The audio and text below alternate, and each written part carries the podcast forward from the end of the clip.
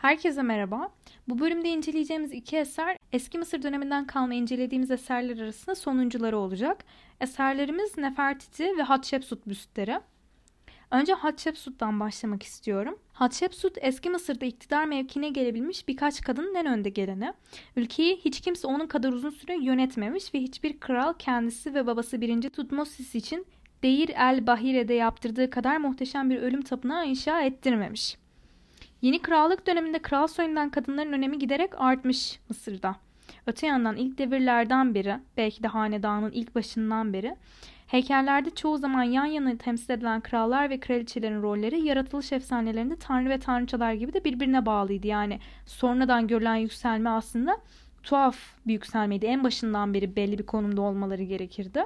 Eski Mısır'da kraliyet ailesinin cinsiyet ve statü meselesinin karmaşıklığı 18. hanedanın ve yeni krallığın kurucusu Amosis'in M.Ö. 1570 ile 1546 yılları arasında hüküm sürmüş.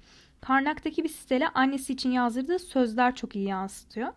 Yazıda annesinin tasvirinde Mısır'ı severdi, Mısır'ın askerlerine ihtimam gösterdi, kaçanları geri getirdi, firarileri bir araya topladı, yukarı Mısır'ı sükunete kavuşturdu ve isyancıları kovdu demekte. Biraz kösem gibi bir hikaye aslında kendisi. Oğlu öldükten sonra biraz saltanat naipliği yapmış. Naiblik yaptığı da 7 yıl boyunca Hatshepsut da kral ünvanını almış.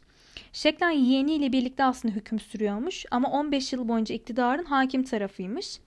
Kral sıfatıyla tasvir edilen ve takdim edilen Hatshepsut'un kıyafet ve alametleriyle birlikte temsil edildiğinde 3. Tutmosis'ten ayrılması mümkün değil. Yani kendisinden sonra gelen bir erkek hükümdarla neredeyse birebire yakın derecede çok maskülen bir şekilde anlatılıyormuş. Böyle de olsa cinsiyetini veya kadınlığını gizlemek için herhangi bir teşebbüste bulunmamış. Üçüncü Tutmosis'in uzun hükümdarlığı sonuna doğru Hatshepsut'u kral gibi yansıtan görüntüler tahrip edilmiş fakat kraliçe olarak yansıtılanlara dokunulmamış.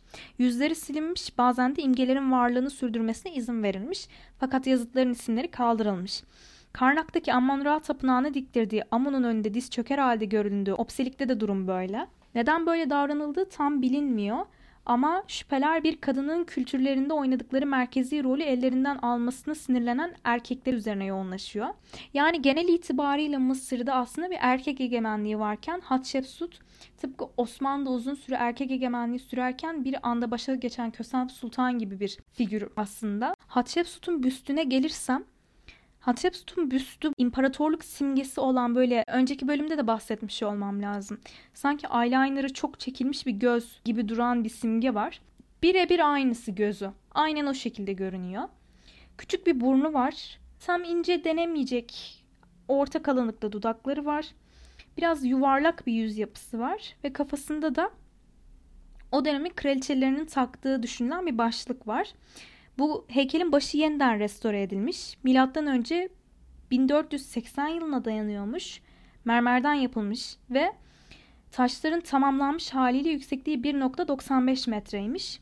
Şu anda New York'ta Metropolitan Sanat Müzesi'nde sergileniyor bu Hatshepsut heykeli. Nefertiti büstüne geçersem, Nefertiti büstünün gözlerinden biri anladığım kadarıyla hasar görmüş. Çünkü bir gözünün içinde göz bebeği yok. Biraz daha büyük burunlu ve daha ince dudaklı. Gözleri Hatshepsut'unkine göre biraz daha çekik. Kaşları daha yuvarlak ve kafasının üstündeki taç da Hatshepsut'unkine göre biraz daha görkemli duruyor. Boynunda da yeşil, kırmızı ve sarı renkleri ağırlıklı olan oldukça kalın bir kolye var. Nefertiti büstü M.Ö. 1360 yılına dayanıyormuş. Yüksekliği 48 santimmiş ve şu anda Kahire'de Mısır Müzesi'nde sergileniyormuş. Ayrıca bu Nefertiti büstü kadın güzelliğini çok hatırada kalıcı, insanı yakalayan bir imgesi olarak da başyapıt rolü görüyor. Aslında model olarak, geçici olarak yapılmış yani. Yani tamamlanması gereken bir esermiş. Vücudunun geri kalanı da yapılacakmış. Ama bu şekilde kalmış. Nefertiti büstünün bir diğer öne çıkan özelliği de yani benim ilk bakışta fark ettiğim boynunun çok uzun olması açıkçası. Yani açısından mı böyle görünüyor bilmiyorum ama boynu gerçekten çok uzun duruyor. Ayrıca böyle sanki yanmış gibi buğday tenli ama kırmızımsı duruyor teni. Ten rengi de ilk bakışımda aslında bir hani gerçek olamayacak kadar kırmızı sanki gibi gelmişti ama o anladığım kadarıyla baktığım ilk fotoğrafın efektiyle alakalıymış.